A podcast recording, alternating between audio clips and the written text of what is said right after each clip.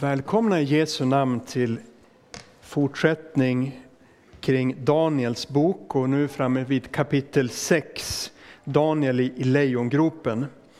Och vi, låt oss börja med att be.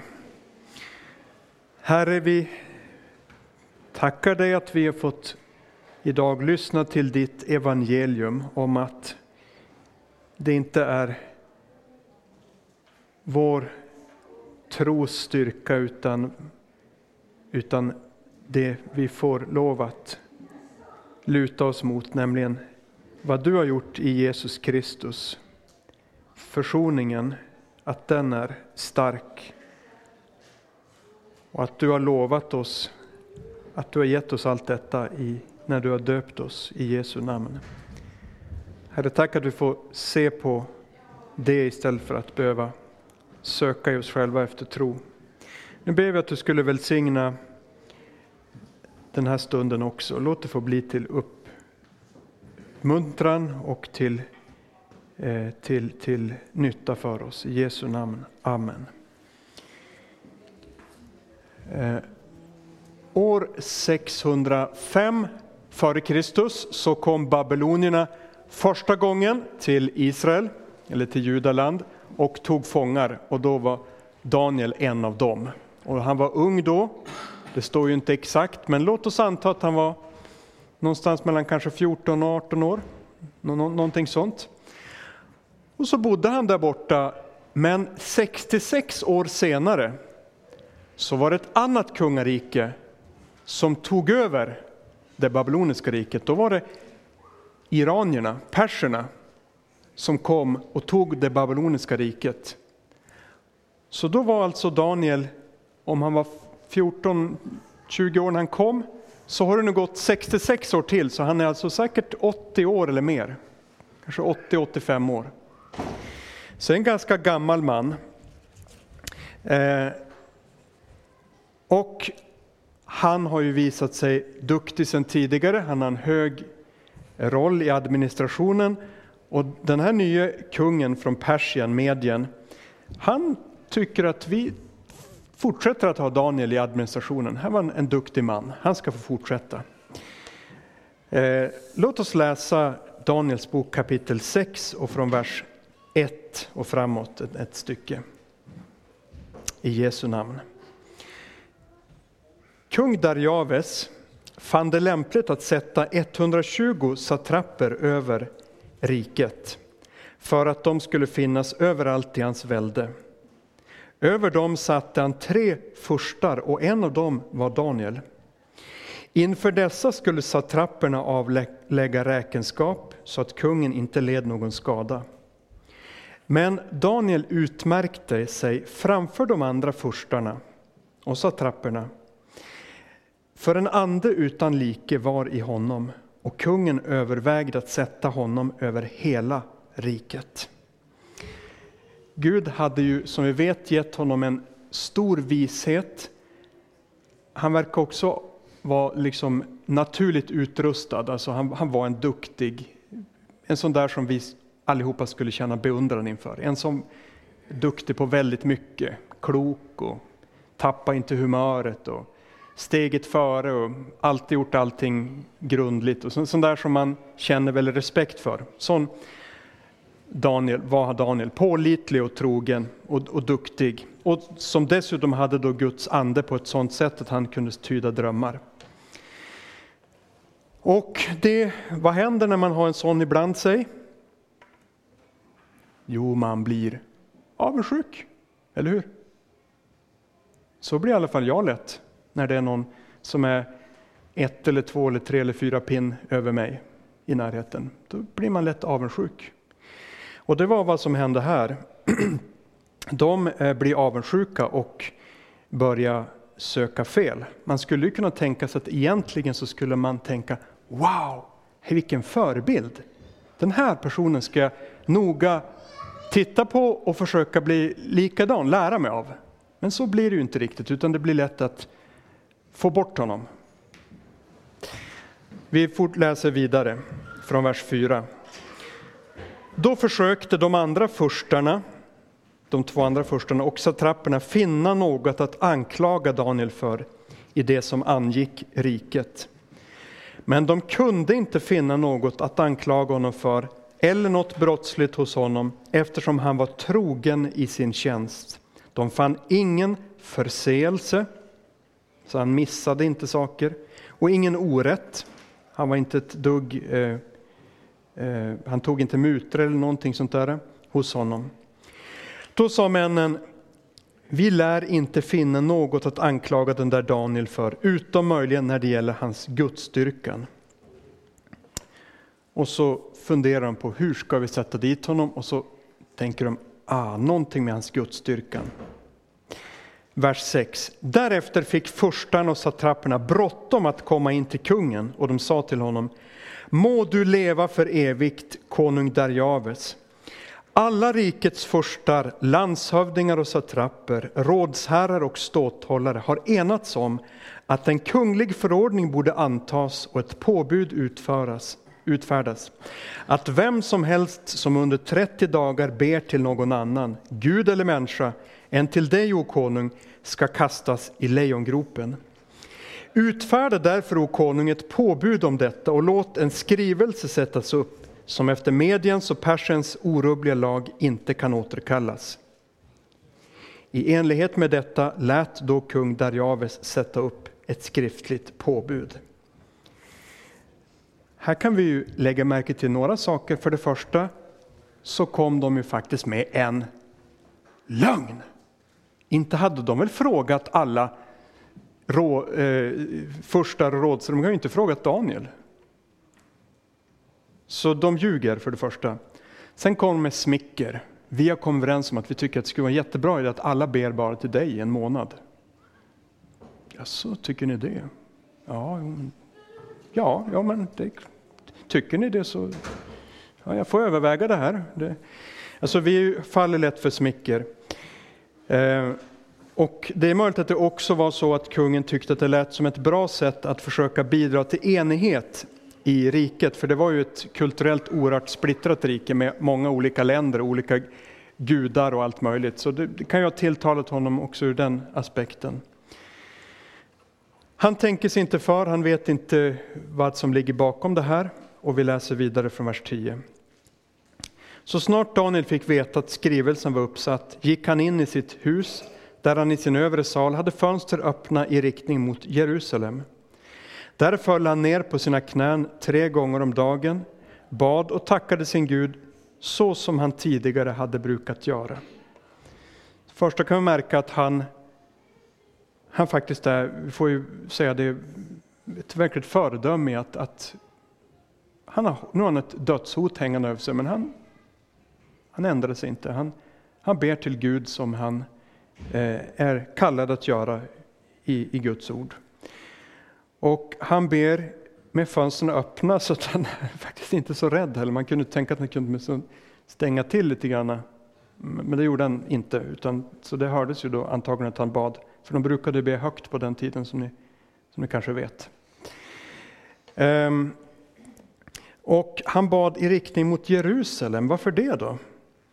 Jo, det är faktiskt så att i första Kungabok 8, eh, där när templet ska invigas av Salomo, så ber Salomo en bön till Herren att om det i framtiden skulle bli så att vårt folk syndar så illa mot dig, att du för dem i fångenskap, så låt det då ändå vara så att om de omvänder sig och ber i riktning mot det här landet, mot Jerusalem, mot templet, så hör deras bön. Eh, och det är säkert det som Daniel gör här. Han riktar sig mot eh, Jerusalem, mot den plats där templen har stått, i bön om att Gud ska göra i enlighet med vad han hade lovat Salomo den där gången, eh, 400 år tidigare ungefär. Han bad tre gånger om dagen, morgonen och kvällen och så någonstans däremellan. Eh, man kan fundera på det här ordet be oavlåtligen i första Thessalonikerbrevet 5 och 17. Vad betyder be oavlåtligen? Eh, det är nog en del kristna som har eh, känt en mm, liten oro inför det där att, att kräver Gud att vi ska be exakt hela tiden? Det går ju inte. Jag, jag jobbar, jag måste tänka på...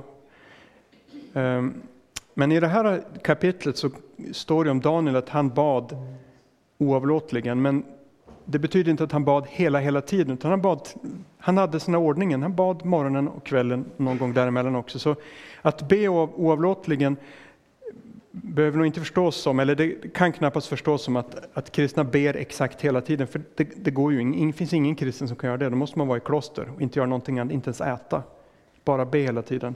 Så det syftar nog på att man, man har det här, man ber på morgonen, man ber på kvällen och eh, andra gånger också. Så på det sättet, man, man slutar inte att be, snarare än att man håller på exakt varje sekund.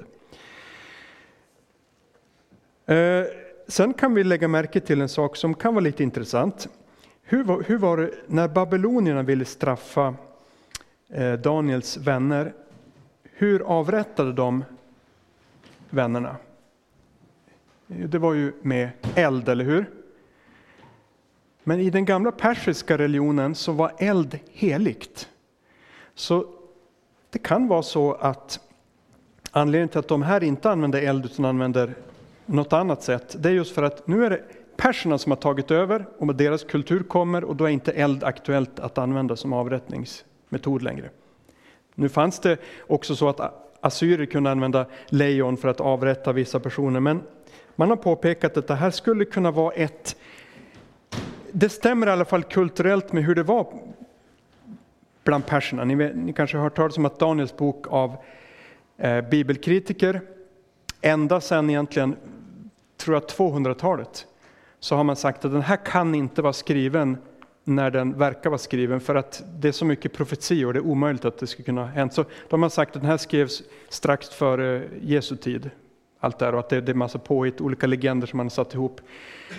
Men det finns så många detaljer i berättelserna som det måste vara oerhört svårt för någon på hundratalet före Kristus att veta att babylonerna använde eld och perserna använde inte eld och, och, och andra sådana detaljer. Att hur skulle de kunna få till så bra berättelser så, som passar så bra in i den tid som det, berättelserna säger att de utspelar sig.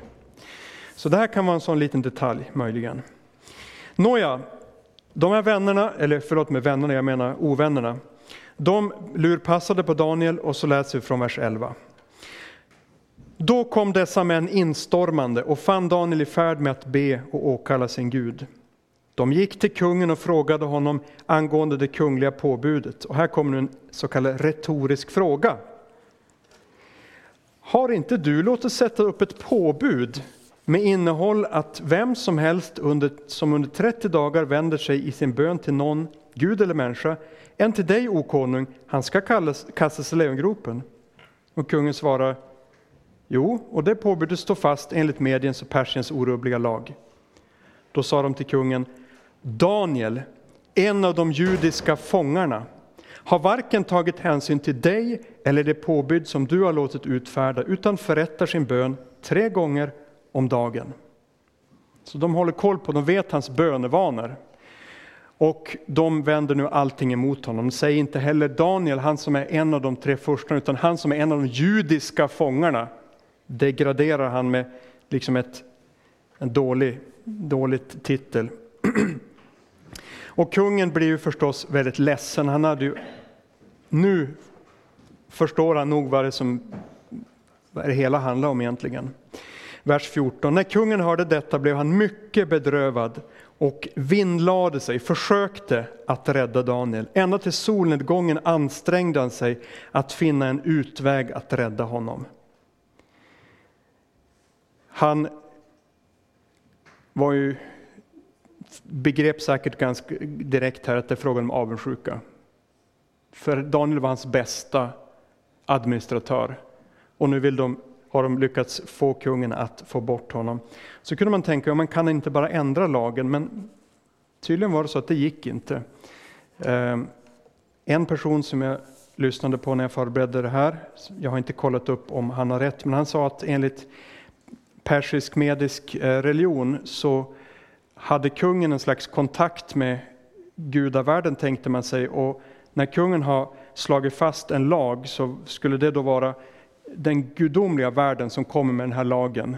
Och då går det inte sen att ändra det, för gudar kan inte ha fel. Jag har inte kollat upp om det stämmer, men vad vi kan läsa i varje fall att kungen kunde inte själv ändra lagen. Det gick inte. Trots att han var kung. Han försökte ändå, funderade och använde säkert sina jurister och så vad, vad kan vi göra? Men det, han hittade ingen utväg. Männen däremot blev störda över att det, inte att inte Daniel omedelbart blev kastad, så att vers 15. Då fick männen bråttom att komma till kungen och de sa till honom, vet, o konung, att det är Mediens och Persiens lag att inget påbud och ingen förordning som konungen utförde kan återkallas. Då lät kungen hämta Daniel och kasta honom i lejongropen, och kungen sa till Daniel, din Gud, den som du så oavbrutet dyrkar, han må rädda dig. Och man förde fram en sten och lade den över gropens öppning, och kungen förseglade den med sitt eget och med sina stormäns sigill, för att ingen förändring skulle kunna göras i det som nu hade skett med Daniel. Sen gick kungen hem till sitt palats och fastade hela natten och lät inga kvinnor komma in till sig, och han kunde inte sova. På morgonen när det var ljust steg kungen upp och skyndade till lejongropen. När han kom i närheten av gropen ropade han på Daniel med ängslig röst. Han sa Daniel, du den levande Gudens tjänare, har din Gud, som du så oavbrutet dyrkat, dyrkar, kunnat rädda dig från lejonen? Då svarade Daniel kungen, må konungen leva för evigt. Min Gud har sänt sin ängel och stängt till lejonens skap så att de inte skadat mig. För jag är utan skuld inför honom och jag har inte heller förbrutit, förbrutit mig mot dig, o konung. Det betyder ju inte att han menar att han var syndfri, men han menar att jag har inte brutit mot någon lag, jag har inte försökt göra dig illa eller någonting annat. Jag är i den meningen oskyldig. Gud vet det också, han är mitt vittne. Vers 23. Då blev kungen mycket glad och befallde att man skulle ta upp Daniel ur gropen. När han hade tagits upp kunde man inte upptäcka någon skada på honom, för han hade förtröstat på sin Gud.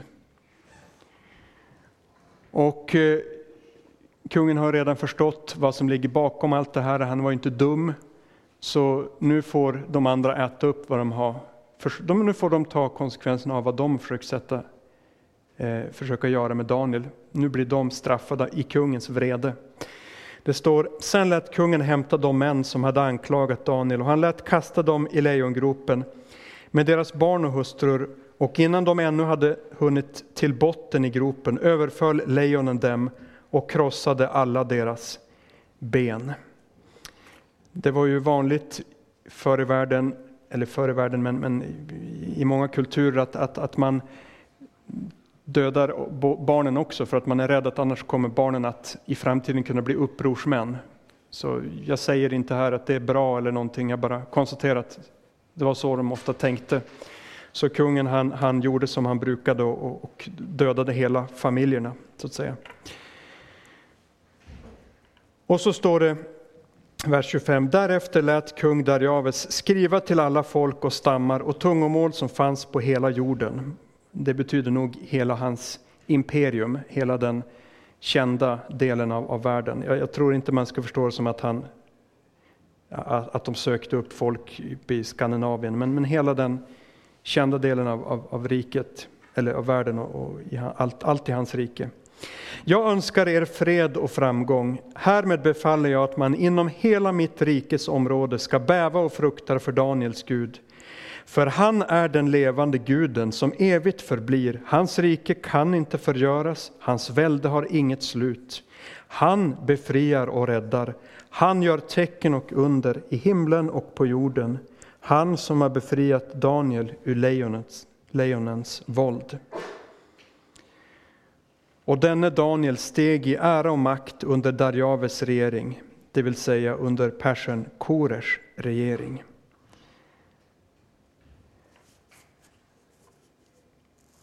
Så Gud använder den här hemska saken till att ändå förhärliga sitt namn och faktiskt sprida kunskapen om vem han är till andra människors kan hända omvändelse. Eh, sen är det ju så här att man, jag kunde själv önska att det här skulle hända i mitt liv och i, i våra liv, att vi skulle få hamna i lejongropar och så skulle lejonen inte öppna mun och så vidare. Och visst skulle man gärna vilja se sådana här saker hända mer, eller hur? Det hade varit fantastiskt.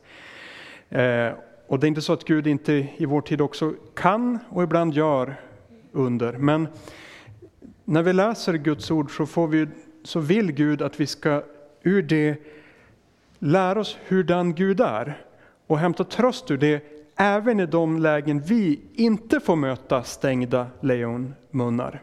Utan kanske som en del andra profeter fick lida döden, blev martyrer och så vidare. Så vi ändå läsa och hämta tröst och styrka ur det här och veta att det är Gud som har makten. Han gör vad han vill. Han kan låta någon dö, han kan låta leva. Vi får lita på Gud i allting. Sen en liten notering om den sista versen. Det står så här i våra folkbiblar, åtminstone den jag nu läste ur 1998 av den anledningen att, att jag tänkte att ni kanske tog biblar här bak så jag använder den. Då står det så här, Daniel steg i ära och makt under Darjaves regering, det vill säga Persen Korers regering. Eh, ordet det vill säga, det egentligen står bara och.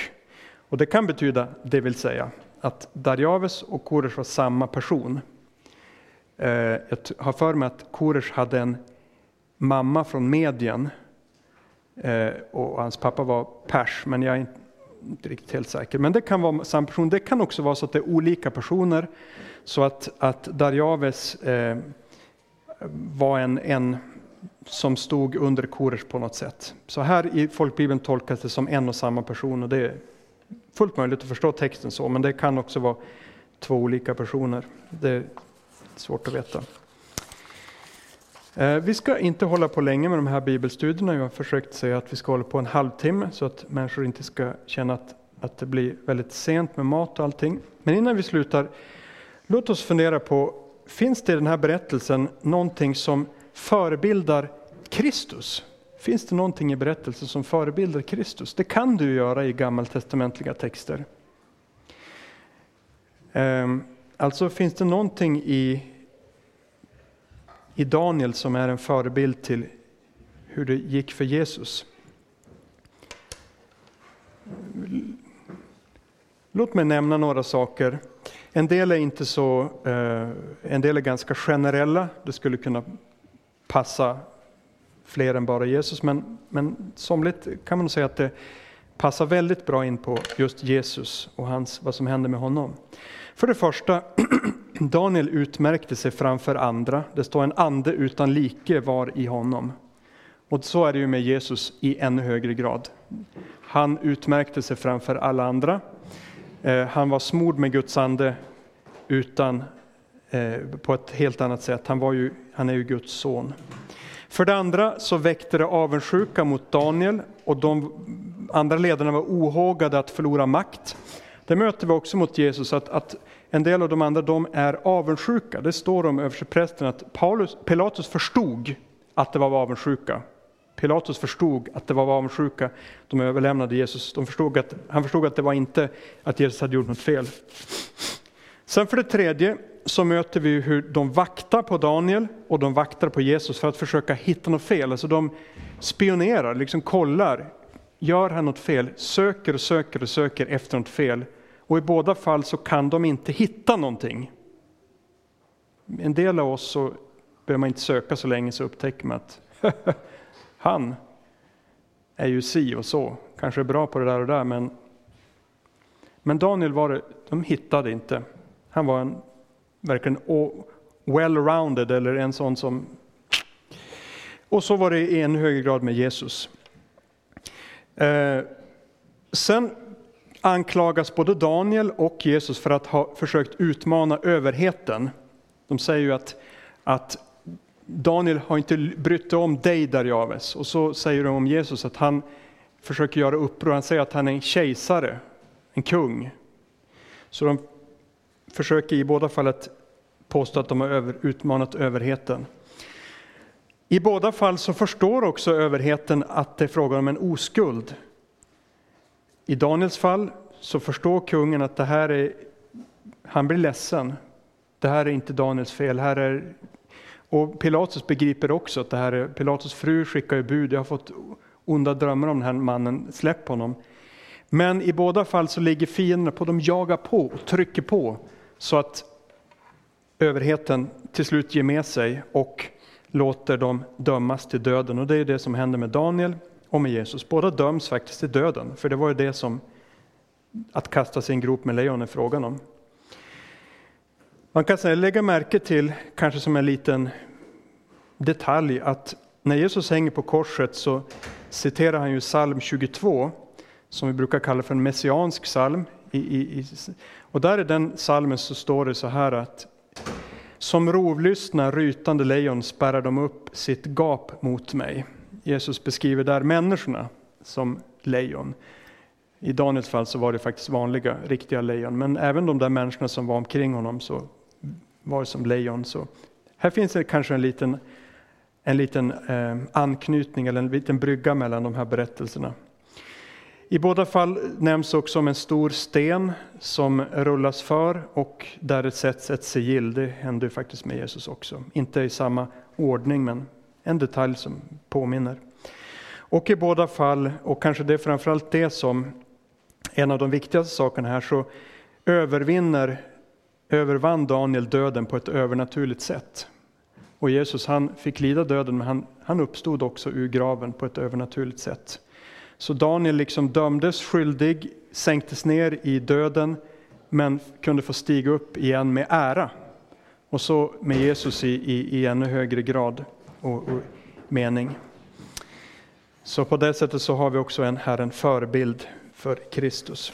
Så vi får ta med oss från berättelsen eh, både att, att vi får lita på Gud i svåra situationer, vi får ta med oss Daniel som en förebild för oss, att det är ju väldigt fint att eftersträva att vara ordentlig, att göra, vara trogen, plikttrogen.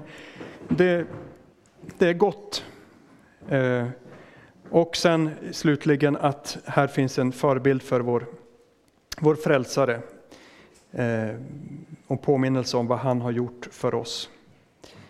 Och att Bibeln är en sån bok som, som, som eh, visar sig övernaturligt på många sätt. Det finns så mycket, så rika mönster som, som understryker att, att, att det är, ett, är Guds ord. Nu är det så här med den här berättelsen, det står inte i Nya Testamentet, den här berättelsen är en förebild på Jesus. Det finns andra berättelser i Gamla Testamentet som Jesus uppenbarligen säger det om. Det finns tydligare och starkare exempel på, eller bevis för att Bibeln är Guds ord. Men jag tänker ändå att det här faller in i ett sådant mönster. Det i varje fall säger inte emot, utan snarare bekräftar eh, ändå samma sak. Låt oss avsluta med att be. Himmelske Gud och Far, vi tackar dig för att vi fått stanna vid ditt ord och ber att det skulle få bli till hjälp för oss. Låt det få bli till styrka och, och till lärdom. I Jesu namn. Amen.